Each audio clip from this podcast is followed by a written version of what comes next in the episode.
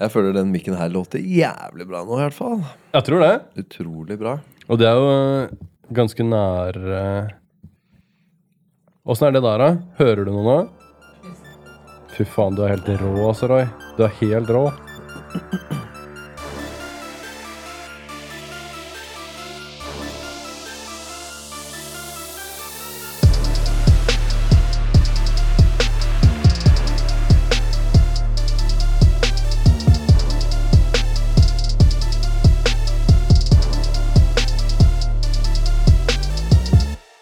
Allepodden.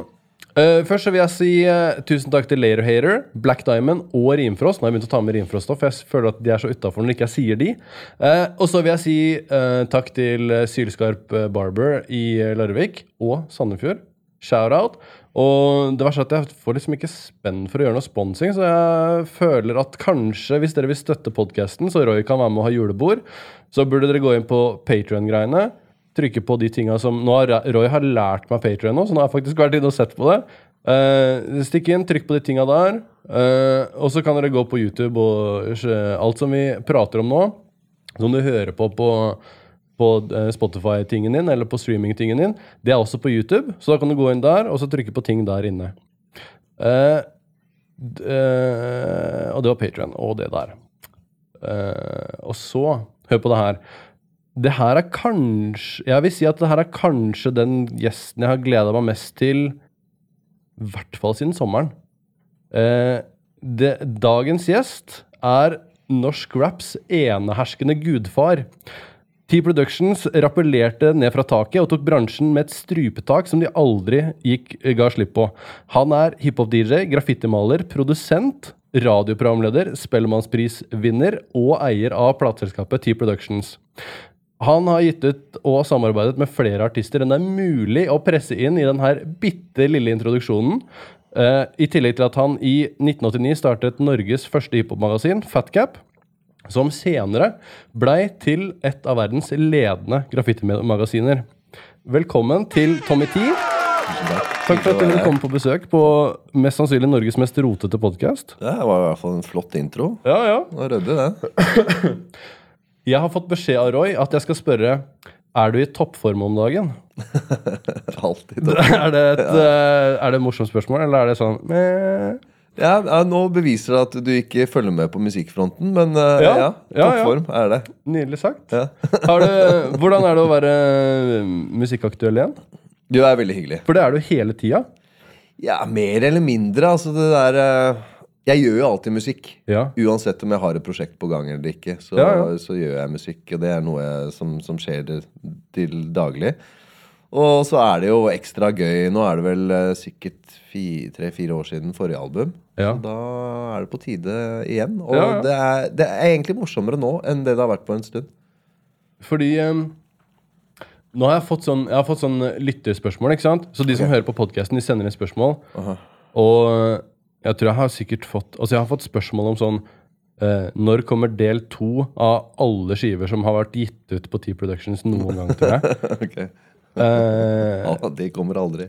Så, nei, men Det er det jeg tenker, og det er derfor jeg liksom har sånn Jeg har ikke lyst til å spørre sånn Når kommer Scandinavia 2? Eh, fordi at det er jo noe med at eh, hver plate hører til en epoke, ikke sant? og tida går videre, og folk utvikler seg og sånn. Men spørsmålet mitt da er hvordan er det å fortsatt lage musikk når at man har liksom fans over liksom 25-30 år? da? Mm. Som er, Noen henger fast i én tidsepoke, noen henger fast her. Men så du må jo tenke på hva skal jeg gjøre nå, og hva er det som er riktig for meg nå? Mm. Tenker du liksom over at eh, jeg har min bagasje som jeg må følge, eller det, er det bare helt fri til å liksom samarbeide med hvem du vil, og gjøre hva du vil fortsatt, liksom? Eh, ja. Jeg, ja. jeg. Føler, jeg, føler, meg veldig fri. Eh, jeg tenker ikke så mye over det som ligger der fra før av. Men det følger jo med uansett. Altså, det er jo en del av av meg, på en måte. Så, ja, ja. så, det, så det, følger. Og det, sånn, vi har starta med en Scandinavia 2 en gang. Vi har starta med andre ting. Altså, alle prosjekter materialiserer seg ikke nødvendigvis heller, så man starter opp mye mer enn det som blir noe av. Altså Harddisken er relativt full av ting som sikkert aldri kommer ut også. Mm. Så, så, jeg føler meg helt fri, gjør det som passer meg inn til enhver tid. Og ja, trives veldig godt med det. Musikk for meg er jo ikke sånn derre Jeg kan ikke planlegge alltid hva jeg skal gjøre. Nei. Jeg er ikke så god til det, men øh, jeg er sånn ok til å være instinktiv da jeg er i studio, og, så, og, og, og prøve å ta ned fra universet det som kommer akkurat der og da. Ja, ja. Føler, når du jobber med artister, føler du at du gjør sånn At du prøver å lage ting med de som passer dems greie? Eller gjør det For jeg så et intervju med Rick Ruben en gang hvor han snakker, jeg lurer på han snakker om at han gjorde noe samarbeid med Pharrell eller en eller annen sånn Andre Eller kanskje et, Hvor han liksom snakker om at det, det er mye mer spennende for han å ta den artisten. Altså se for seg hvordan den artisten som føles ut som en øh, fjær i vinen, liksom. Hva skjer hvis jeg blander det med en beat som høres ut som glasskår, liksom? Eller lager sånn kontraster og liksom veldig sånn aktivt prøver å gjøre noen, skape et samarbeid og noe nytt med den artisten. Jobber du sånn nå, liksom? Jeg gjør nok det, men ikke kanskje Altså, jeg har nok ikke så tydelig visjon som det Rick Rubin og en del andre produsenter sitter med. Altså, jeg har mer en følelse, øh, men jeg omsetter ikke alt det der i sånne flotte ord som øh, Rick Rubin og, og du driver og sysler med her. Så for meg så er det mer en sånn derre Man gjør det da man er i studio. Altså jobber, jobber gjennom den prosessen. Ja, ja. Og så ligger jo det underliggende litt hva jeg føler at den artisten Hvilken retning den skal. Mm. Men så er det tilfeldigheter noen ganger som avgjør litt, eller hva man spiller i studio der og da, hva man kommer inn på, man begynner å prate om ting. og så eh, kommer man kanskje inn på noe annet. Og, og, for jeg, jeg prøver liksom ikke å ha for klar visjon, selv om jeg har en klar visjon. Hvis jeg involverer meg såpass mye at jeg begynner å produsere, eh, produsere en artist, så har jeg jo selvfølgelig en visjon, men jeg prøver å være åpen for at den artisten skal kunne gi meg noe jeg ikke har kunnet planla, planlegge på forhånd også. Så det er en sånn blanding, men det er jo altså Produserer man en artist, så er det jo artisten det viktigste. Og Ja, da skal ja, ja. vi prøve å ta den et eller annet sted. Ja, ja. Men jeg liker også reisa på vei til et eller annet sted. Ja, ja. At du liksom kan oppdage ting på veien der. Er det viktigere for deg med den veien dit enn hva produktet kanskje er?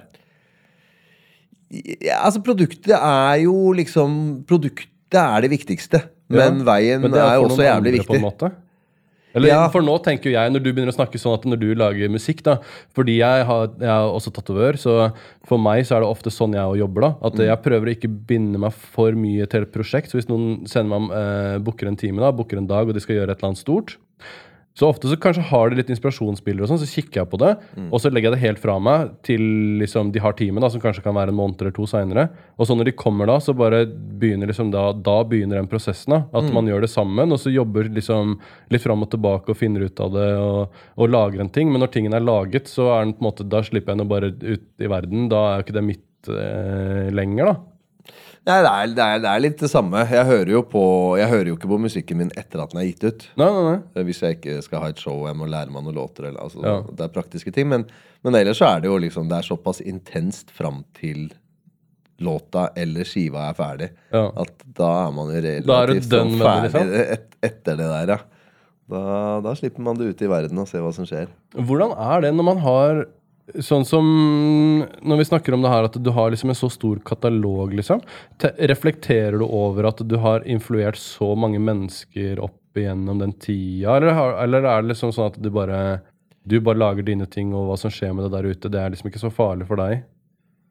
Altså, du har jo soundtracket til barndommen og ungdomstida til faen meg liksom fire generasjoner med norske kids, liksom. Altså, det, det, det er jo Jeg blir jo heldigvis påminna det daglig, Ja. egentlig. Ja, ja. For å, for, å, for å si det ganske pent, så, så er det jo Det er veldig ofte folk sier det til meg. Og jeg, jeg syns jo det er superhyggelig, men jeg, jeg, jeg, jeg tror ikke jeg forstår helt hva det betyr. Nei. Og jeg prøver å ikke liksom henge meg opp i, i det heller. Ja. Altså sånn øh, Men det er, det er jo Det høres jo liksom kake ut, men det er ikke det. Det er bare det at jeg har en ydmykhet i forhold til til alt det der. Som, Ja, ja. Er, som, jeg, som jeg, jeg vil nesten ikke smake for mye på Nei, det jeg der. kan jo forstå det, egentlig. Men det er fordi grunnen til at jeg gjør det, er jo ikke det, på en måte. Så For, har du sånn gærne fans og sånn? Som liksom camper på utsida av eh, hotellrommet for de vet at eh, dere har bodd der og sånn? Nei, jeg tror ikke Så Justin Bieber-stemning når dere har gjort konserter? jeg, jeg er ikke helt der. Det føler jeg vel ikke meg på.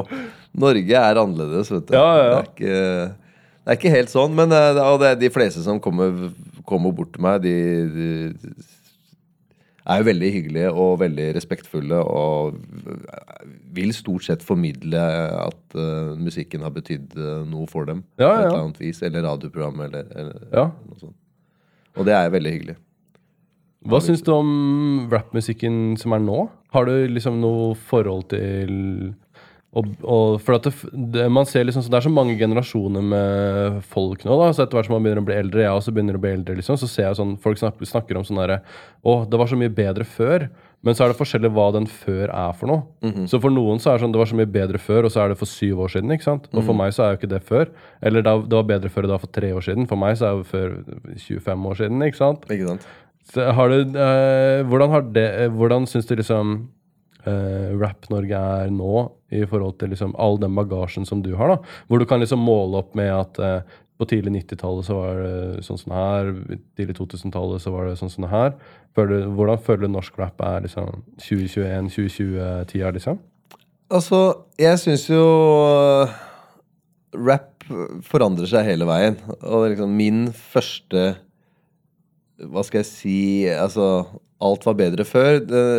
Opplevelse fikk jeg sånn rundt 93-94. da var det sånn når Das Effects og Foosh Nickens og sånne type grupper kom, så tenkte jeg ok, nå veit jeg ikke om det Det var egentlig kulere med Rakim, liksom. Og KRS og Public Enemy.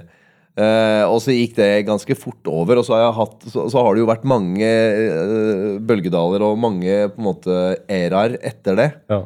Eh, så så jeg, er ikke, jeg måler ikke ting opp mot hverandre på den måten. Jeg, Nei, jeg syns jeg, altså, I og med at jeg fortsatt driver med den musikken, både og spiller det for andre og lager det, så, så, så liker jeg det selvfølgelig Ja, ja. den dag i dag, sånn det funker i dag. Men sånn, hvis vi skal ta den norske scenen, så har jo den eksplodert. Og det har den jo for så vidt gjort i hele verden, egentlig. Lokale scener. Mm. Uh, og jeg syns jo det er jævlig gøy å se at det er jævlig mange unge som er gode, som man på en måte ikke har hørt om, som kanskje er 17 Ja, det er sykt. år Det føler jeg at kanskje er en sånn ting Det- som er i hvert fall sånn de siste sånn tre-fire årene. At du har kids som du har aldri hørt om dem. Og det er kanskje dems andre sang de lager. Mm. Og så er det med en video på YLTV, liksom. Og det er dritbra. Det er helt sykt bra. Og det er sånn, hvem er de her kidsa? Hvor, hvor kommer de fra, liksom? Ja, det er kult fordi at eh, Altså øh, Ja. Fordi back in the days Men helt seriøst, altså for 20 år siden så, så kunne du ikke Altså Du får fram raw talent på en annen måte i, i dag. Fordi veien fra å ikke ha noe egentlig noe forutsetninger for å være artist, til å gi ut eh, en video på YLTV, Ja. den kan være jævlig kort.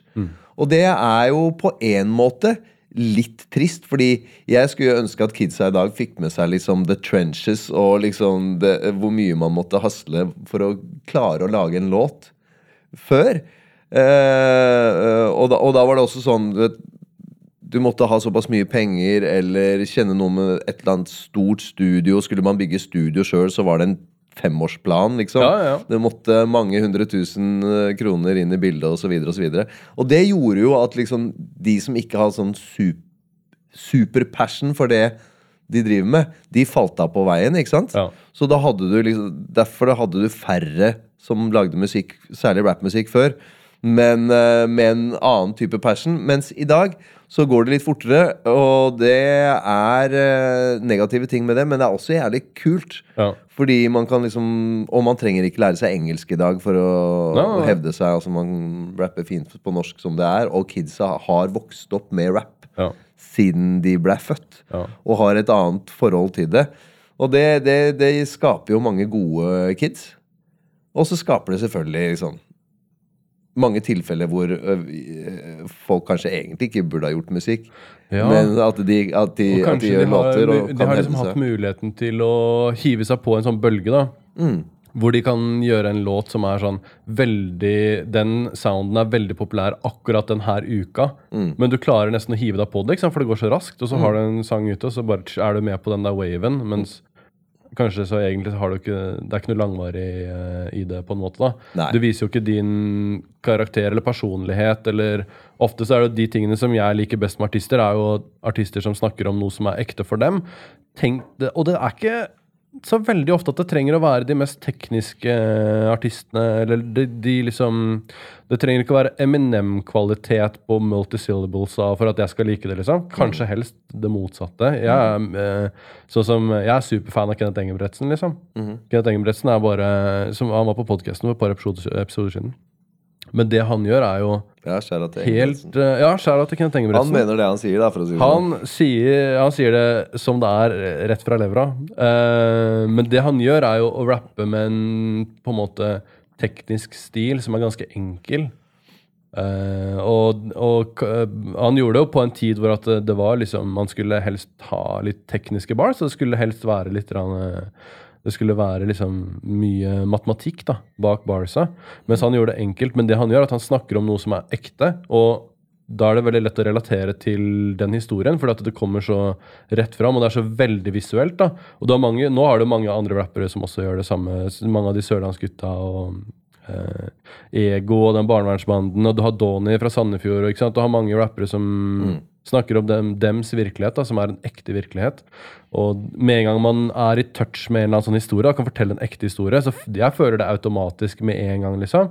Men det var jo også en ting som dere også gjorde, eh, kanskje spesielt når um, Warlocks var på come-upen og sånn, da.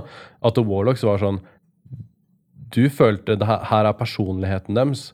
Det her er liksom, her kan du se hva, hvem de her gutta er. da, Du kan høre hvem de her gutta er, og det de snakker om, det er liksom dems verden på ekte. Hvor at det kanskje motstykket var liksom eh, å rappe om gullkjeder og, og biler med spinners på rimsa.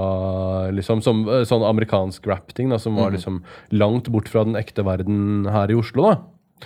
Eh, jeg har ikke noe spørsmål. Jeg bare, nå bare tenker jeg på ting. Men, men det var Jeg liksom venter sånn på eh, punchline, jeg nå. Ok, så punchline Nei, er uh, uh, Og så videre så eh, kommer det til at eh, T Productions også huker inn en eh, norsk rapper som også kommer fra en eh, litt sånn brokete fortid, som heter Jesse Jones. Som også har en litt den samme rap-stilen som Kenneth Engebretsen. Litt den samme historien. Eh, De er jo vokst opp sammen. ja, nettopp. Hvordan endte det opp med at du øh, gjorde det samarbeidet med Jesse? Herregud, at det kom et spørsmål på slutten her, det overrasker meg òg. Eh, nei, Jesse var vel Møtte jeg eh, gjennom Ken, tipper jeg. Ja. Mm. Så var det Det var en sånn prosess som var veldig organisk, og som bare skjedde ved et eller annet tidspunkt. Han begynte å henge litt rundt studio. eh, så gjorde vi Drabant-låta. Eh, og så bare balla det på seg, egentlig. Det var ikke noe sånn grand plan bak det. Men uh, det blei jo Det blei et grundig prosjekt, det der. ja, det blei det. altså. Det blei jo en classic, liksom. Det var jo Takk. kanskje det var jo kanskje det første sånn der type prosjektet i Norge. I hvert fall som var så gjennomført med en genuin artist som snakker om liksom sånn eh, Litt sånn crime og sånne ting fra et sånn eh, virkelighetsnært ståsted. da. Mm. Det var ikke så mange som hadde gjort det sånn fra den ekte verden eh, tidligere. da. Nei, jeg vet ikke om det var noen i Norge. Jeg tror ikke det, eh, altså. selvfølgelig mange i Sverige. Og, Mm.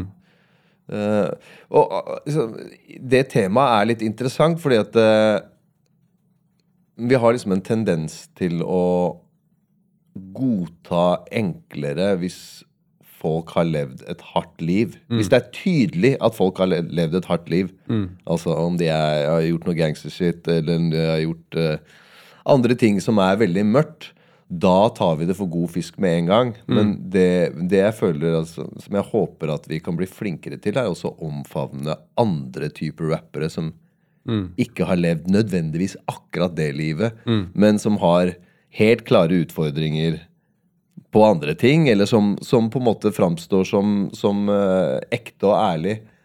Uh, enten, enten de prater om gold chains, eller om de prater om uh, oppvoksten på i Holmenkollåsen, for den saks skyld. Altså, Hvor som helst, for meg som Har du en eh, god historie å fortelle, så er det sånn For meg så treng Det må ikke ha skjedd i Groruddalen for at jeg skal være interessert. Altså, Men tror du ikke det er litt og sånn det at den trenger ikke være superhardt eller G'd up eller Nei, nei, nei. på, på, på noen måte, fordi jeg tror det er sånn rap kommer til å komme videre. At man, man, man klarer å faktisk komme over den der der. Altså, ikke, det at, ikke det skal rappes.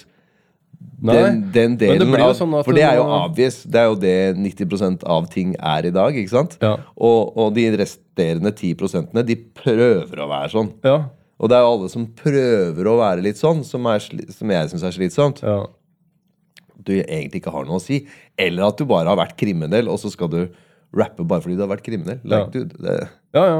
det, for meg så er ikke det noe Det er ikke noe pluss. Nei, du, du er nødt til å ha Du er nødt til å ha talent i bånn og en fet stemme og flow og Ja. fete beats. Og du vet, det, Ja, ja, ja. Det, er det som lager musikken. Ja, ja. Ikke, ikke bakgrunnen, da. Nei. Men ja, jeg eh, Når du ser liksom sånn hvor mye det har blitt av det nå, da, i hvert fall sånn de siste, siste to årene, så blir det nok kanskje sånn at det blir en sånn pendeleffekt. da, At nå er det så mye av det at det kommer til å bare være helt metta, og så bare svinger det over til at eh, de som er igjen, er liksom den harde kjernen. da, Og så blir det at eh, folk gjør liksom masse At massekulturen går til noe helt annet. Kanskje til og med det helt motsatte. Jeg hadde ikke blitt overraska om det hadde kommet en sånn eh, Erik og Chris-type eh, greie om tre år, hvor at det var liksom Det hadde overraska meg. Hadde det? Det hadde det. Vent og se. Ja, det, hadde det. Eh, 2025, da er det bare sånn gladrapp. Ja, ja, vi får se. Det, had, det, det hadde Kanskje. ikke overraska meg, altså, for at det er noe med at det, ofte så svinger det så At det blir en sånn helt sånn motkultur igjen til det som har vært. Men uh, problemet mitt nå er at uh, av oss to så er det ikke jeg som sitter med kompetansen til å uttale meg om det her. Men, Ja, altså eh, Ingen kan spå i, i, i framtida, men uh, jeg, jeg, jeg tror vel at liksom Altså, rap er jo også samtidig Det er jo språket til de som kanskje ikke har andre typer plattformer eller talerør eller, eller språk. Det er måten folk kan eh, Altså Enten det er graffiti eller egentlig alt som har liksom med hiphop-kultur å gjøre, er jo måten man kan eh, hevde seg uten å øh, nødvendigvis være en del av det øvre sjiktet i samfunnet. Eh, men at det, liksom, det er jo de på bånn. Og det er jo der kulturen har kom, fra. Og jeg, det er helt naturlig at man, at man rapper det. Det er bare sånn Alt det blir for mye av, blir man jo lei, så har man jo lyst på noe annet. Det er, det er jo den kontrasten og den pendelen du prater om. mm. Så jeg syns det er jævlig spennende at det er forskjellige ting som skjer. Og jeg syns jo det også er fett med, med gutta med maske, liksom. Jeg, Ja, ja, ja. Jeg, jeg hører jo på det også. Ja, er du gæren? Jeg skal ikke si noe på det. Det er, det er jo eh, på en måte Det fyller jo Spotify-spillelistene mine og mye, liksom. Og, men det også er litt eh, hvem hva slags oppvekst man har, og hvor man kommer fra. og Sånn, så er det, for meg så er det sånn Jeg kjenner mange av de guttene som trenger de maskene. liksom, Så for meg så er det veldig sånn Jeg kan, jeg kan liksom høre mye av den virkelige historien i det, da, og da blir det så mye mer interessant, bare. da. Det bare matcher mer liksom, mitt liv. da. Men da hører du jo også fort hvis det ikke er, eh, er ekte. Ja, ja, ja. ja. Ja helt jo- klart. Da, da blir det ikke så kult. Uh, det her er Jeg har sånn uh, et har et favoritt-TV-øyeblikk i historien, og det er Hit Awards eh, 98. Hvem er det som orkestrerte det? Var det noe Hvordan liksom eh, Jeg har så lyst til å høre historien rundt hvordan fant dere ut at dere skulle rappellere halvparten av gutta ned fra taket? Og liksom Det her er en Ja, det var ikke halvparten, sånn det var alle, faktisk. Men um, Ja, ja. Det, det starta Sånn jeg husker det, det kan hende det var flere involvert. Kanskje Nina Lauritz som var involvert, kanskje noen andre. Men jeg tror det var, det var Trond Kvernstrøm som uh, da hadde starta noe som het Monster TV. Som er TV, Big Dog TV-produsent. ja. Som eh, vi hadde vel fått solgt inn til han at vi skulle gjøre låta. Uh, Taken Over, i hvert fall. Og kanskje noe mer. Og vi hadde eh, veldig lyst til å gjøre noe sinnssykt. Og så tror jeg det var han som kom med den ene ideen. Altså han Ja, vi, vi ville gjøre noe spektakulært og, og filmatisk på et eller annet vis. Og tror jeg det var Kvernstrøm som kom med den ideen at vi skulle rappellere ned fra taket. Som jo var en kjempegod idé. uh, helt fram til generalprøven, i hvert fall for min del. Da fant jeg ut at jeg har jo faktisk høydeskrekk.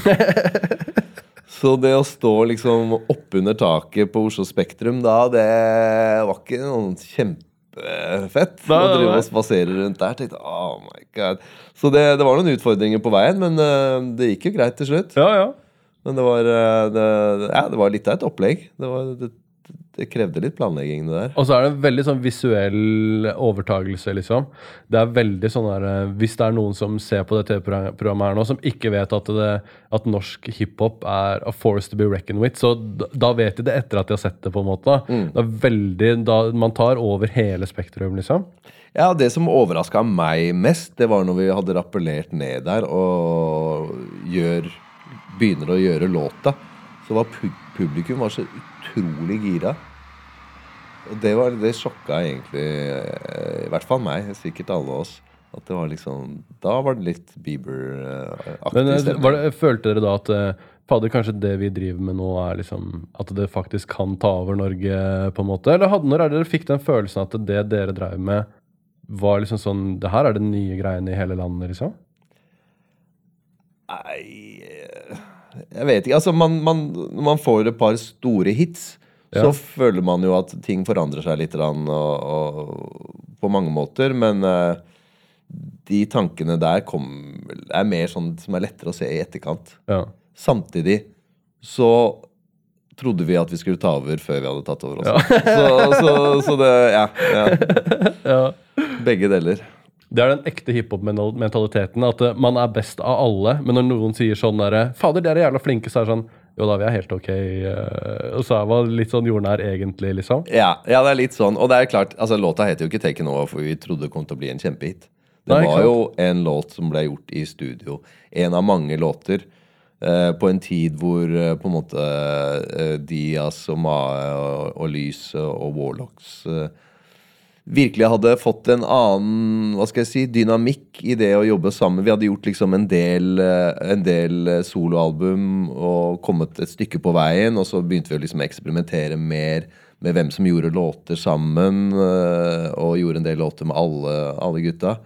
Og det var liksom en av dem, så det var det, det var han Tor Erik i Stargate for min del som, som plukka den som en hit. Og Han mm. bare ok, det her er singelen. Det, dette, dette kommer til å funke jævlig Ja, bra. ja. han Og er det noen som har peil på det, så er det jo de gutta der. Liksom. ja, han var A&R på Warner, var det vel, på den tida der. Så han ville jo Han la penga på bordet, han, og ville signe, signe skiva mi. ja, ja, ja. Så jeg sa pent nei takk, men eh, skiva kom ut, og Ja, ja. Taken Over ble jo en liten uh, banger. Når dere eh, så Og så vant du i I eh, 2016 så vant du en uh, Spellemannspris.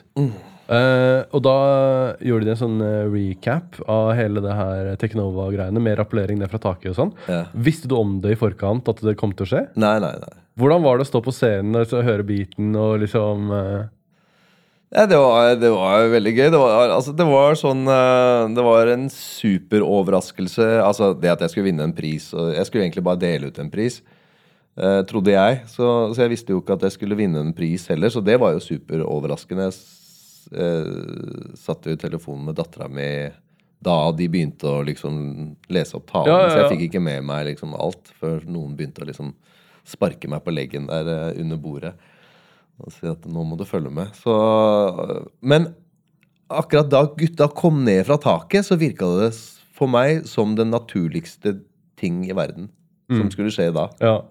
Så det var overraskende, fordi jeg hadde ingen peiling, ikke et snev av peiling, men på en eller annen måte så bare føltes det helt Helt eh, ikke overraskende. Ja, ja, ja. Jeg følte det vel da det skjedde. Altså Selvfølgelig Chaue, da, som, eh, Ja. som under de, Det var jo Josef og Chaue som hadde en uh, talen før, uh, før jeg fikk prisen. Og da jeg liksom møter gutta og tar imot uh, prisen, tror jeg, eller noe sånt, så er det Chaue sånn sånn Bare vent, ass! Bare vent, ass, bro! Bare, Hæ? Da, da, da hadde jeg fått en beskjed om at det, det er et eller annet som kommer til å skje Ja, ja, ja. etter det. ja. Så, så Ja. Men det var jævlig gøy. Det virker som tidenes beste surprise party, bursdagsoverraskelse, liksom. Definitivt. Og så, jeg, har fått, jeg har fått sykt mange spørsmål om Unge Obi. Hvordan, uh, hvordan i alle dager skjedde det samarbeidet? For at eh, Unge Obi, for de som ikke vet hvem det er, er vel basically en sånn type Instagram, TikTok eh, rapper som hadde liksom Jeg, t- jeg tror Han var ikke på TikTok, det er liksom. jeg som tvang han til å bli Å ja, ja, ja. å åpne konto. Men Ja, ja. eh, han var en Instagram eh, Ja, han ble kjent på, Instagram. Men som et fenomen, liksom. Som mer sånn 30 sekunder med bars, men veldig sånn temabasert og liksom eh, hvor, Hvordan skjedde hele det prosjektet der? Jeg så den på Instagram. Og så bare, For du har, du har den der hjernen hvor bare Oi, jeg ser at de greiene her kan bli noe fett, liksom. Ja, jeg så at han hadde et, et annet og veldig clever take på, på rap. Og, og man skjønner jo at fyren er jo ikke en tullerapper som, Nei, nei. som ikke på en måte har noe ordentlig forhold til det. Så jeg bare syntes det var jævlig kult, så jeg spurte om han hadde noe musikk som vi kunne spille på radioen, egentlig, først og fremst. Og det hadde han ikke. Så litt sånn fram og tilbake på noen DMs, og ved et eller annet tidspunkt så inviterte han til studio. Dette var sånn greit at han kunne prøve å lage noe musikk. Hvis han ikke hadde gjort det før, for han hadde aldri vært i studio. og Dette var en hobby og lave skuldre. Så da gikk vi i studio, testa litt ting. Og så blei det en sånn en gang i uka i noen få uker. Og så hadde vi en EP eh, veldig fort. Ja, for det var nesten sånn når man oppdaga han på sosiale medier, så var det bare sånn Rett etterpå så bare kom det en skive. Timinga var jo helt sinnssyk. Timinga var jo akkurat sånn at når man begynner å være sånn Fader, det burde være noe mer. Og så bare Selvfølgelig er det det. Det kommer en EP. Og hvem er det som har laga den? Tommy T. Og det er bare sånn Hva skjer? Hvor, hvor, hvor kommer det her fra, liksom? Ja, det, det var kult at vi fikk gjort det såpass fort, og det var liksom det som var litt av tanken, å prøve å capture noe av det han dreiv med på, ø, på Insta, men prøve å omsette det til låter Ja. som ikke Som hadde humor, men som ikke var humorlåter. ja. Altså Det skjæringspunktet der, det var det i hvert fall jeg prøvde å treffe. Og jeg følte at vi traff det ganske bra. Så får vi se hva han gjør som artist. Jeg føler at han har, rommer veldig, veldig mye. Så spennende å se hva han Ja, gjør. Teknisk så er han helt sinnssykt til å rappe, liksom. Ja, ja, Han veit jo hva som skjer, selv om Og alt det han gjør, det det er sånn ett og to takes i studio. Det er ikke som han sliter seg gjennom låtene i det hele tatt. Det, det går unna der. Det er veldig mange som lurer på sånn Hva er din Hva er din favorittsang som du har laget selv? Er det som å velge favorittbarn, liksom? Eller kan man liksom si sånn ah, det her er egentlig Det her er, er jeg mest stolt av? Eh, nei, altså det er mange låter jeg Det er ikke som barn, fordi alle barna mine elsker jeg jo med hjertet mitt, og det gjør jeg ikke med alle låtene. Nei, nei, nei. Så det er noen man ikke liker, men, og det der varierer vel litt hva man Jeg syns jo De siste låtene jeg har lagd, ofte er det kuleste, selv Ja. om det stemmer jo ikke på litt sikt, merker man. Så eh, jeg vet ikke. Jeg syns en del av låtene med Ken eh, har truffet veldig bra. Eh, nei, det er, det er nesten umulig. Det er jo tusenvis av låter man skal Ja, ja. velge mellom. Er det sånn som når når man ser liksom Når Lil Wayne skal spille konserter, så uh, har han sånne, et sånt team som har skrevet ned tekstene hans foran. Så han får bare en lapp. Her er teksten til den sangen, og så må han pugge det backstage omtrent, liksom. For han er jo Han recorder jo liksom hun- 100 sanger på en kveld og sånn, og så han aner jo nesten ikke noe av produksjonsprosessen selv. Er det sånn at hvis du skulle ha spilt en konsert med hele katalogen din, så hadde du måttet ha et team for å hjelpe deg og liksom si sånn eh, Det her er den sangen, og den er med de her rapperne, og Eller har du liksom kontroll på katalogen din selv? Jeg har helt ok kontroll sjøl. Det er eh, vel først hvis jeg skal rappe sjøl og begynne med noen låter som ikke vi har gjort i år. Ja, ja. Da, da må det pugges, og Ja. da må det hjelpes, og da hjelper det å ha Mai i bakgrunnen som backup tilfelle jeg glemmer det. Så, så, så, så det, tekstmessig der er jeg håpløs. Men, eh, men ellers så har jeg ganske kontroll på hva som er hva. Eh, alle låtene mine, eller de aller fleste, det er det jo andre vokalister på, så Ja, ja. så man har jo liksom Hva skal jeg si Man slipper å ta alle de detaljene sjøl. Det er deilig. Ja, ja. Bare få gutta på plass, ja, ja, ja. så er det mye gjort. Hvilke, hvilke norske rappere er det du liker nå om dagen? Har du liksom noen sånne favoritter som du, eh, hvis du skulle gjort noe samarbeid, eller hvis du liksom har et godt øye til noen? Ja, eh, det har jeg jo. Jeg syns jo Jonas Benjob eh, troner, eh, troner om dagen. Ja, ja, ja. Syns han er Han er på topp, for min del. Han versatility, hva han sier, flowen hans er jo galehus. Og måten han tilnærmer seg musikk på, er jævlig fett. Er liksom litt i skjæringspunktet mellom Han kan gjøre trap eller drill, men, Ja, ja. men også Og synge litt, og- synge litt. Og han kan gjøre tradisjonell, bare spytte seg gjennom hvilken som helst beat. Så, Ja, ja. så han, eh, han imponerer meg. Jeg syns uh, Sia Bong, uh, flow-messig særlig, minner meg litt som en, om en jazzartist. Sånn han tilnærmer seg musikken. Han har en uh, spesiell måte å gjøre det på, og, og en sinnssyk stemme.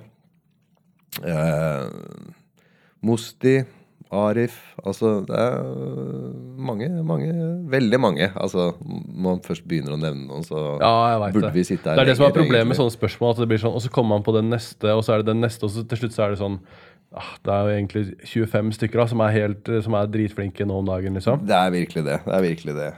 Noen av gamlegutta holder fortsatt koken også. Mange av gamle gutta, faktisk. Eh, hva er Norges beste rappnavn? Eh, ja Nå har vi jo nevnt Sia Bong. Det Ja. er et bra rappnavn. Ja, ja. Men ville du gått for et sånt gammelt, liksom penjakke-sounding eh? Eller ville du gått for et litt mer sånn eh, nytt og fresht? Og så er det mange som bruker bare sitt ekte navn. Det er jo det er veldig vanlig i dag, og det funker jo også veldig bra. Eh, For det er jo sånn spørsmål som jeg òg har lyst til å svare på spørsmålet. Hvis du skjønner hva jeg mener? jeg har sansen for sånne der gamle rocke... eh, sånn Oslo Eller i hvert fall norsk rock fra sånn 80-tallet. Ja. Da var det mange fete ja. Og gjerne de norske som het sånn neseblod og Ja, sånn ja, ja, ja, navn, liksom. Ja, ja. Altså, de, de, de, de, de, er, bedre på navn enn oss, føler jeg. ja, ja. Rock, de gamle rockerne fra 80-tallet. Der har du mye bra. I dag er det for en rapper bare hold det enkelt og ekte. ja, ja. Er det ditt ekte navn eller noe, noe simpelt? Ikke over, overdo it. ja, ja. Jeg tror at uh, hvis jeg skulle velge noe, så hadde jeg valgt en av de penjakkegutta. Et eller annet sånt Sjel-Jonas. Sjel-Jonas. eh, Fundamental lyd. Fundamental lyd, det er det beste. Ja. Fundamental lyd er på toppen. Det er Ja, det er helt, nice. det er helt rått. Jeg tror det viktigste med et navn er at du må, du må kunne kle navnet. Ja, Det er det viktigste. Så det kan jo være hva som helst. Altså, ja. ja. Tommy T, liksom. ja nei, jeg skal Det er ikke si noe Det er ikke noe det, noe, det ligger jo ikke så mye bak det. Nei, men så er det det noe med hva man navn, gjør liksom. med det etterpå. da Det er jo liksom brandinga og hele um, Hva man fyller det navnet med. Det er jo som uh, en Ja, er graffiti-writer òg. Man har et navn, og kanskje det navnet er jo bare Det eksisterer jo ikke før man gjør noe med det selv, liksom. Og så er det bare å gjøre mest mulig ut av det. Det er litt sånn som altså, man får uh, unger og skal gi barna navn, så er det sånn Føler man ok, du kan ikke, du kan ikke fucke opp det der, liksom. Du må gjøre det skal, det skal, det skal hele livet til den personen skal Ja. på en måte kalles det navnet. Men altså, så, så går det to uker, tre uker, og så har du glemt hele den prosessen. For da er det navnet bare så knytta til den personen at du, det er bare en greie. Sånn. Du, Ja, ja. Du, du tenker ikke over det navnet til slutt. Har du, er du fornøyd med navne, navnevalga til barna dine? Ja, ja, selvfølgelig. Det er ikke sånn at, For jeg har hatt det ene barnet mitt, så bytta jeg navn før han ble født. Fordi at det føltes ikke riktig lenger. Så han liksom hadde et navn, og så når han ble født, så bytta, switcha jeg til et annet navn. Mm. Uh, og det har, jeg har liksom ikke sett meg tilbake. Men jeg tenker på det innimellom. Sånn, tenk hvis han hadde bare blitt hetende det første navnet. Hadde det fortsatt vært naturlig, liksom? Jeg vet da faen. Det hadde Ja, sikkert. alt skjer for en, eh, for en grunn. Men uh, ja, yngstemann uh, Yngstegutten min da, heter Oskar Matheo. Men han nekter å bruke Oscar nå. Ja, Nå bruker han bare Matheo. ja. Men det er sånn Mest sannsynlig ved et eller annet annet tidspunkt i livet så kanskje han tar det tilbake eller bare bruker det. Altså, Ja, ja. Det er så, sånn er det med hun minste datteren min. Hun heter Viola Malou. Og så har hun hatt mange år hvor at eh, alle skulle kalle henne for Lola Lu. Og så har det blitt sånn at det er litt barnslig, så nå skal hun bare hete Viola. Hvis noen sier noe annet, så er det sånn Hei! Slutt! Stopp med det! Mm, Det er ikke greit i det hele tatt. Det er et barnenavn. Nå, er stor, nå går jeg på skolen og er stor jente. det er ikke Liksom. sant? Eh, jeg har et spørsmål fra Marius fra YLTV. Han sier Har du vært blindpassasjer på turnébuss? Jeg har ikke det, men vi har hatt med blindpassasjerer på turnébuss. Ja. Eh, Har det det vært den Marius da, eller? Den turneen var jo Marius eh, med som uh, turnéleder, uh, tror jeg. Og iallfall til god hjelp. Så det var Studiotime-skiva mi, og den turnéen, påfølgende turneen der med Det var en bra gjeng. altså. Tidligere nevnte Jesse og Ken. og Jeg hadde med CLs Move fra New York uh, inn i miksen der, og hele TP-crewet. Ja, der, der fikk vi med en ekstra passasjer fra Oslo til Bergen, tror jeg. Og så prøvde vi å bli kvitt uh, blindpassasjeren i Bergen. Det viste seg å være vanskeligere enn tidligere antatt. så hun ble med til også Stavanger. Ja. Det er bra man ikke har tydelig hukommelse på alt som skjedde på alle turneer. ja. Hva er den gærneste turnéhistorien du har? Har du en sånn go to folk Nei, spiller? det har jeg ikke. ass. Og den hadde jeg jo. Den gærneste. Jeg kan ikke sitte her på kamera. Nei, jeg vet. liksom. Jeg vet. Jeg spurte Jørgen fra Tungtvann om det. Han bare nei. Neste spørsmål. Det var ikke, vi- det starta ikke på engang. Men det må jo sies at jeg personlig har ikke vært det mest uh, utagerende i de tidene hvor vi hadde mye turneer. Nei, nei, nei. Så var det jo ofte fokus på litt andre ting enn bare Altså, noen gærne ting skjedde naturligvis, men Ja, ja, ja. eh, For jeg tror Marius sin sånn historie innebærer at han får, han får juling. Jeg vet ikke om han gir litt juling, og så får han litt juling, og så klarer han å gå inn på feil hotellrom, dritings, og krabber opp i senga til et par som ligger Mm. der skrekkslagne. Mens han kommer og legger seg i midten og sier noe sånt som eh, 'Bare så, vel så dreper jeg dere', eller noe sånt noe. Og liksom ja, la, og har, er, blod overalt, og Ja, det er en sånn eh, jeg tror jeg har hørt 35 den minutters historie der, da. Ja. Som er er, det går ikke an å toppe den uansett. Uh, ja, en, en ting som jeg har hørt, og det her vet jeg ikke om er sant engang Jeg lurer på om jeg kanskje har lest det i et eh, magasin eller noe for kj- kjempelenge siden. Var det sånn at du på et tidspunkt var uh, i noe eh, uh, snakk med et plateselskap i Statene for å produsere 50 Cent før han uh, på en måte ble 50 Cent? Er det, vann, er det noe jeg har funnet på, eller er det en historie? det er en historie, det der. ja, det er det. Ja da. Ja, det var, det var vel i 2002 eller noe sånt, så var jeg på en uh, klubb i New York, uh, og en fyr kom bort til meg. Tommy T. Så bare, ja, ja. Og så var det Sha Money XL, som jo var i ferd med å starte G-Unit Records på, på den tida der. Og fortalte, og jeg, jeg hadde møtt han før, altså jeg er bare dårlig til å kjenne igjen uh, folk noen ganger. Så han hadde vært i D&D Studios under innspillinga av første skiva mi, tror jeg, eller i hvert fall rundt den tida der, 98-99. Og han huska beatsa, så han sa hei, jeg har en ny artist. Han heter 50 Cent.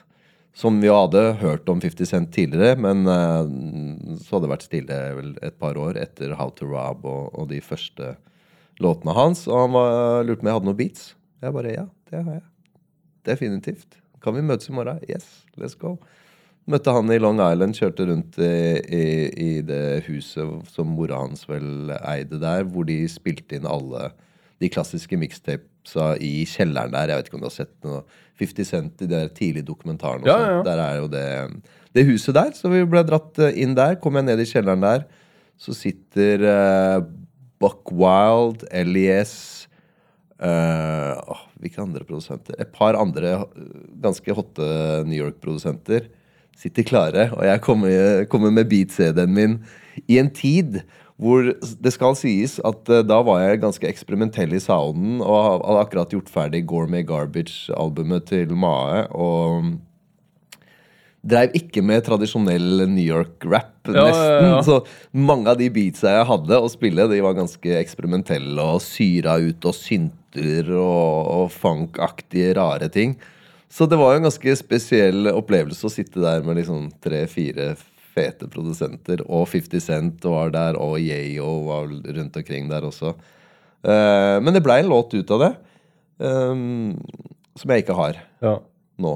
Men uh, altså, så gikk det noen få måneder, og så signa jeg jo 50 med Dre.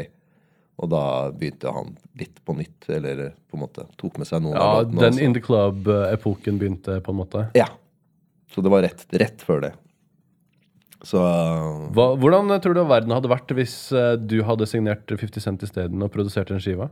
Nei, jeg føler at det som skjedde, det, det, det skjedde slik det skulle skje. For de albumet der, det hadde ikke jeg klart å toppe. Altså. Ja, ja. Ikke på den tida der. Ja, Nei, det er Topp ti-album, liksom. ja. ja. Uh, hvordan var det å være med på Firestjerners middag? Eh, Jo, det var gøy. Den kom var en litt fra sida, følte jeg. Men Ja, det, eh, det var jo veldig lenge siden. Og det, det er jo sånn Det er jo veldig fort gjort. Det er jo på fire dager eller noe sånt man spiller inn ja, ja, det der. ja, ja. Men det var gøy. Det var Men det var jo også på en litt sånn Skjæra tid til uh, TV-teamet der. Jeg tror de kanskje fikk seg et par overraskelser underveis, men uh, ja. Er det rart å gjøre sånn der type TV, liksom? Ja, det er jo litt rart, og jeg gjør jo ikke så mye av det. Nei, for det er veldig sånn feel good-greier, da. Ja, ja, hvis man føler seg bra, så er det vel det. Ja, men ofte så vil de jo liksom typecast uh, folk da, som passer inn i den boksen. At det er liksom Det er mye av de samme tolv trynene som går igjen på sånne der programmer, liksom. Mm. Hvordan er det de endte opp med at de tok med deg, eller liksom at de begynte å gå litt på utsiden av det som de har pleid å gjøre, da? Uh, altså, hvis jeg først sier ja til å gjøre sånne ting, eh, og da var det restskatt som skulle betales, Ja, ja. og det var ganske mye restskatt òg, og de betalte bra. Og, og, og det var motivasjonen min for å gjøre det. Men Ja. da jeg først, når, når man først er i prosessen og gjør en sånn greie, så gjør man det jo liksom Ordentlig? Ja. Ja. Altså, da, da er man jo med. Ja, ja.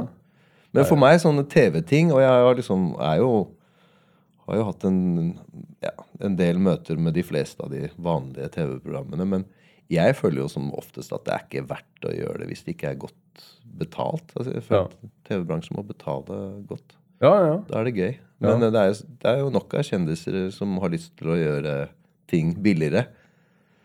Så da er det jo ikke alltid de vil betale nok. Er det litt sånn det har blitt i DJ-bransjen òg?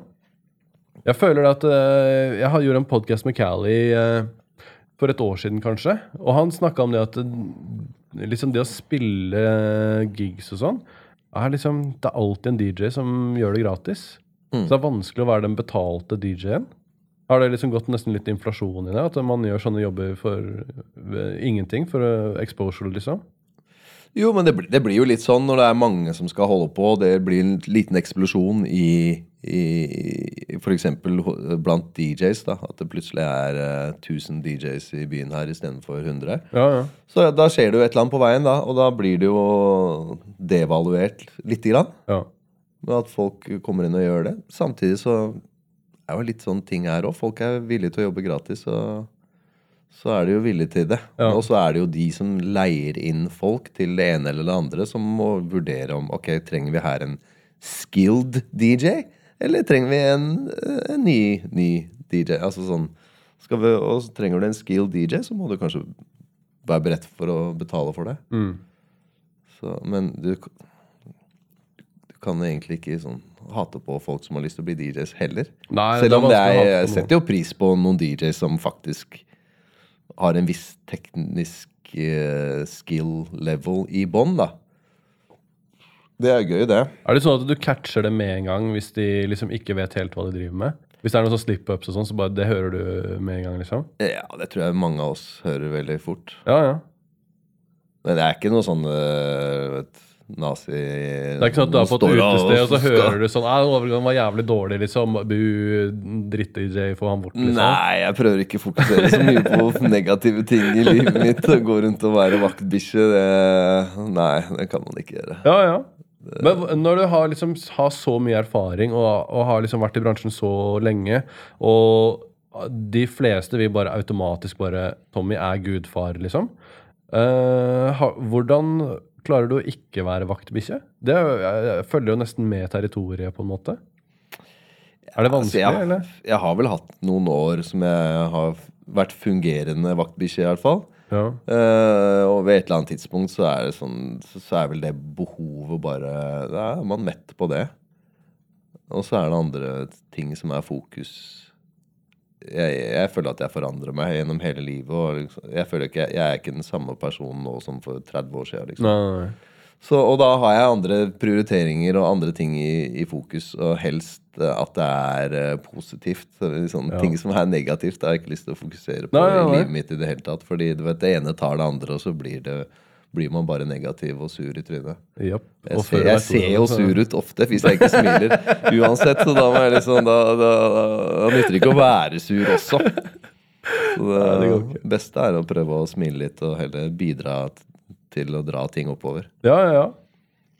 Uh, la meg spørre deg om eh, et par kjappe på tampen. I, jeg har en ting som jeg spør alle om. Fortell om en gang du holdt på å dø. Ja, som sagt så liker jeg å fokusere på ting som drar oppover, da.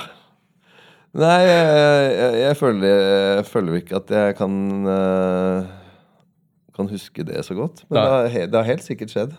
Du er den første til nå som ikke har en sånn historie. På, eller i hvert fall de siste ti episodene. Så er det, det kommer alltid en sånn eh, Et eh, veldig godt 'jeg holdt på å dø-historie. Ja, eh, Da må jeg dessverre skuffe der. Nei, det er ikke noe å tenke på, fordi at Kenneth Engebretsen hadde en åtte-ni historier. Så vi kan bruke en av hans sine Ja, kan historier. ikke det? her. Kan vi ikke det? klipper inn Han en har av hans sine garantert historier. noe, noe å fortelle om der. Ja, ja, ja. Har du, har du, når du har holdt på så lenge, har du noen gang vurdert å liksom slutte og bare l- la det ligge? Altså ikke gjøre noe mer musikk? Ikke, ikke være involvert i det i det hele tatt? Ja, jeg har vel det. Jeg hadde vel en periode for sånn 15 pluss år siden som jeg var Da var jeg rimelig lei. Da vurderte jeg å slutte. Hvordan finner du inspirasjonen til å liksom komme i gang igjen da? Eller liksom, hvor, hvor henta du det, den energien fra da? Um, det var egentlig Det var egentlig hun som forhåpentligvis snart blir kona mi, som egentlig dytta meg litt der. Eh, Eller inspirerte mer enn hun dytta meg i ryggen, egentlig. Men, eh, og ga meg et annet perspektiv, så da fikk jeg mye inspirasjon derfra. Um, til å fortsette, egentlig. Ja, ja. For da var jeg hypp på å bare hoppe av. Jeg vet ikke, altså, jeg hadde vel ikke slutta å lage musikk nødvendigvis, men i hvert fall profesjonelt. da. At man kunne ha det som en hobby. Uh, men uh, det, er ikke, det er ikke veldig mange Det er ikke ofte at jeg ikke finner inspirasjon. I hvert fall de siste tiåret så har det bare gått oppover for min del. Og man eh, Jeg er liksom jeg er veldig fornøyd over de timene jeg får, får ha i studio. Jeg bruker de Jeg syns det er verdifull tid. Det er både terapi for meg og jobb og gøy og alt samtidig. Så, så nå er inspirasjonen eh, på topp. ja, ja. Toppform. Får, får du liksom eh, eh, f- en, eh, Du kan jo liksom ha kanskje én type interaksjon da, og energi med noen artister, og så kan du ha en helt annen pakke med andre artister. og sånn. Så jeg kan se for meg at det vil være ganske sånn nyttig. da, eh, Med å liksom kunne være sånn hvis man har et prosjekt som man kanskje føler at det, er, det stamper litt, og man kommer ikke noe vei med det, og sånn, og så kan man gjøre noe helt annet med noen andre. Og så kan jo til og med det på sikt gjøre at det løsner opp litt allikevel. eller liksom, Det er alltid noen man kan gjøre noe med. da. Definitivt. Jeg, jeg, jeg, og jeg er sånn, jeg hopper fra idé til idé. Noen ganger jobber jeg aleine. Da også jobber jeg kanskje med ti forskjellige låter i løpet av en kveld eller en, en, eller en full dag. Og noen av låtene kanskje lager jeg fra scratch. Noen ganger lager jeg noe stems. Noen ganger fikser jeg på en låt med han, fikser jeg på en låt med henne. Altså, nye ideer kommer på nye prosjekter. Jeg får nye ideer hele tiden. Og det er ikke alltid man lander alle, selvfølgelig, men men det, det er en sånn flyt av uh, musikalske ideer og andre ideer stort sett hele tida når man er I hvert fall når man er i studio, og man er bare der, akkurat der og da, og ikke tenker på så mye annet. Da, da, da tar man inn den der flyten av ideer, og det, det er gøy. Hvordan har du gjort det med sånn som med National Rap Show og sånn? Hvordan har du klart å holde den inspirasjonen til å holde det flytende så mange år? Det må jo være Norges lengst levende eh, musikkprogram? Eller radioprogram? Eh, det vet jeg ikke, men det er i hvert fall det som har gått lengst på P3. Ja. Eh, det fins sikkert noen sånn Nitimen eller noe sånt, har sikkert vært lenger, men Jo, jo, eh, men som da er på sin 13. programleder, liksom, da. Det er sant. Eh, Men inspirasjon derfra, det har jo også vært noe som har liksom gått bitte litt Altså alt går jo i litt bølgedaler. Det er jo ikke en konstant Altså, Hvis du er konstant bare oppover, så sprenger du ved et eller annet tidspunkt. Så du må liksom du må ned og så få et annet perspektiv, og så må det skje ting underveis. Men, men eh, altså, inspirasjonen har jo vært eh, Selvfølgelig. Eh, mine medprogramledere, de som har vært der eh, underveis, har vært en eh, superviktig inspirasjon. Jeg hadde nok ikke klart å gjøre det helt aleine hele veien. Ja. I det hele tatt. Eh, men utover det så er det sånn det å føle at man kan ha et I den mer og mer formaterte verden som vi ser, særlig i musikk- og mediebransjen, blir ting veldig veldig formatert, og ting skal safes, og, og, og tall, tall er den store guden, ikke sant? Så, så er det jævlig kult å ha et uformatert radioprogram hvor vi både kan si det vi vil, formidle kulturen på den måten vi ser er relevant, spille absolutt det vi vil. Ingen føringer på noen ting musikalsk. Det er en luksus. Og som, er, som jeg føler at det er, det er jævlig fett at uh, P3 fortsatt uh, har et sånt program. Det har vært kult med flere. Men uh, det gir meg jo litt håp for, for, for verden. Ja, ja, ja. Det er liksom Det er, det er eh, Ja. Det er, ikke, det er ikke alle land som altså sånn, I Sverige så har de kutt, kutta de sin variant av National Rap Show etter noen få år, blant annet. ja. Uh, og i Danmark vet jeg ikke. Men, uh, men ja, det, det, det er veldig, veldig takknemlig over at, uh, at det fins et sånt program. Og det tror jeg det er mange andre som er veldig takknemlige for òg. Jeg håper det. hvis du kunne gi et råd til deg selv som 20-åring, hva hadde rådet vært? Eh, kanskje tone ned litt den der kjepphøye Kjepphøye attituden. Gjøre noe med, gjør noe med det. Uh, kanskje prøve å være litt mer positiv enn uh, negativ. Jeg tror det er en sånn generell ting som blir Etter hvert som man blir litt eldre For jeg er, jeg er sånn snart 40, liksom. Og det hadde nok jeg hadde, Og jeg er fortsatt vanskelig, men jeg føler jeg hadde kommet litt lengre her i livet hvis jeg hadde tatt eh, noen litt sånne mykere avgjørelser eh, litt tidligere, spesielt kanskje sånn eh, i 20, midten av 20-åra. Eh, at ikke alt må alltid være på din måte, eller ikke noe i det hele tatt. Eh, Mm. eh, Ja, definitivt. Eh, Jeg føler at det eh, I i 20-åra, eller tenåra for den saks skyld, så, så var jeg en sånn blanding av eh, veldig høy selvtillit og veldig dårlig selvtillit. ja. Og det er litt sånn dårlig Det er litt vanskelig kombinasjon, for da gjør det jo ting Kanskje noen ganger for å markere deg. Kanskje noen ganger fordi du mener det, men kanskje noen ganger fordi du er usikker. Eh, og så blir det en sånn litt sånn rar eh, vibe av det. Mm. Så, så jeg føler at eh, jeg trives vel bedre med meg sjøl nå enn da jeg var 25. Sjæl, altså.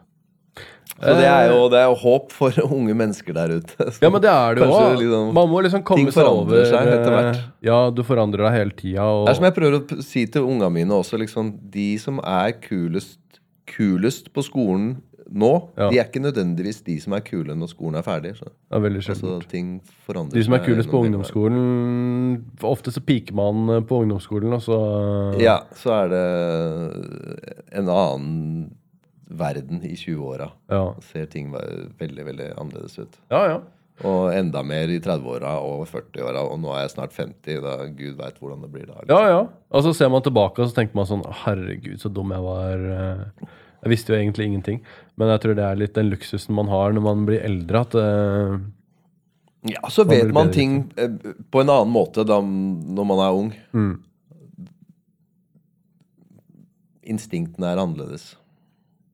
Det er ikke bare negativt, liksom. Det er ikke bare det at man blir smartere når man blir eldre. Men, Nei, nei, nei. men det føles jo litt mer uh, avslappa. Ja. Jeg blir også dummere. Bare spør Roy. Jeg kan nesten ingen teknologiting lenger.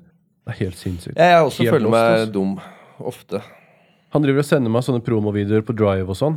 Så har, han har tvinga meg til å få Drive, men jeg klarer ikke å få det inn, jeg får det ikke inn på telefon. Nei, det, det, det, det nekter jeg. Så det er liksom også. eh, ja. Dropbox, det er, det, er, det det jeg klarer. ja. Ja, jeg driter i det. Eh, hva er uh, framtidsplanene dine nå? Nei, det er eh, Er det er en del musikk. Hæ? Er det noen sånne eh, konkrete ting som du kan snakke om? liksom? Sånn, eh, Det her prosjektet er i loopen, kommer ut da og da? Nei, nå har jeg et album som skal ut, så det kommer noen låter i forbindelse med det. Eh, og så slipper jeg et album eh, 7. januar som heter Overskudd. eh, som er eh, Som er eh, et eh, album det oser overskudd av. Ja. Jeg er faktisk jævlig fornøyd med det. Mange gode gjester og, og ganske mange fete tracks der. Litt, Ja, ja. litt grann annerledes. Og så har jeg et annet prosjekt som kommer etter det, som jeg ikke har lyst til å komme med detaljer på, men det er ja. bare å glede seg. Litt i den Ja, ikke den samme, men med det samme overskuddsfølelsen. Eh, og så kommer det en ny mae, nytt MAE-prosjekt ganske snart. Driver og gjør ferdig det. Masse låter med andre mennesker. eh, Litt ting på gang både her og der. Et prosjekt som kommer, i, kommer ut i New York. Det er også kanskje i desember, tror jeg. Med en fyr som heter Downtown Dion. Eh, litt ting som skjer i Øst-Afrika. Noe i Sverige. Litt, litt her og litt der. Du er den ekte Mr. Worldwide? Jeg prøver å være det, iallfall. Jeg har lyst til å nå, nå, nå har jeg lyst til å reise mer, for Ja, å si det sånn. sjæl, altså. Hva er det første stedet du skal reise til nå når det åpner opp litt? New York City. Ja, det er det. Ja, Og så må jeg til LA også. Ja. Det er ikke dumt. Få ting til å skje der. Ja, ja. Uh, tusen takk for at du ville være med på podkasten. For invitasjonen. Bare hyggelig. Later.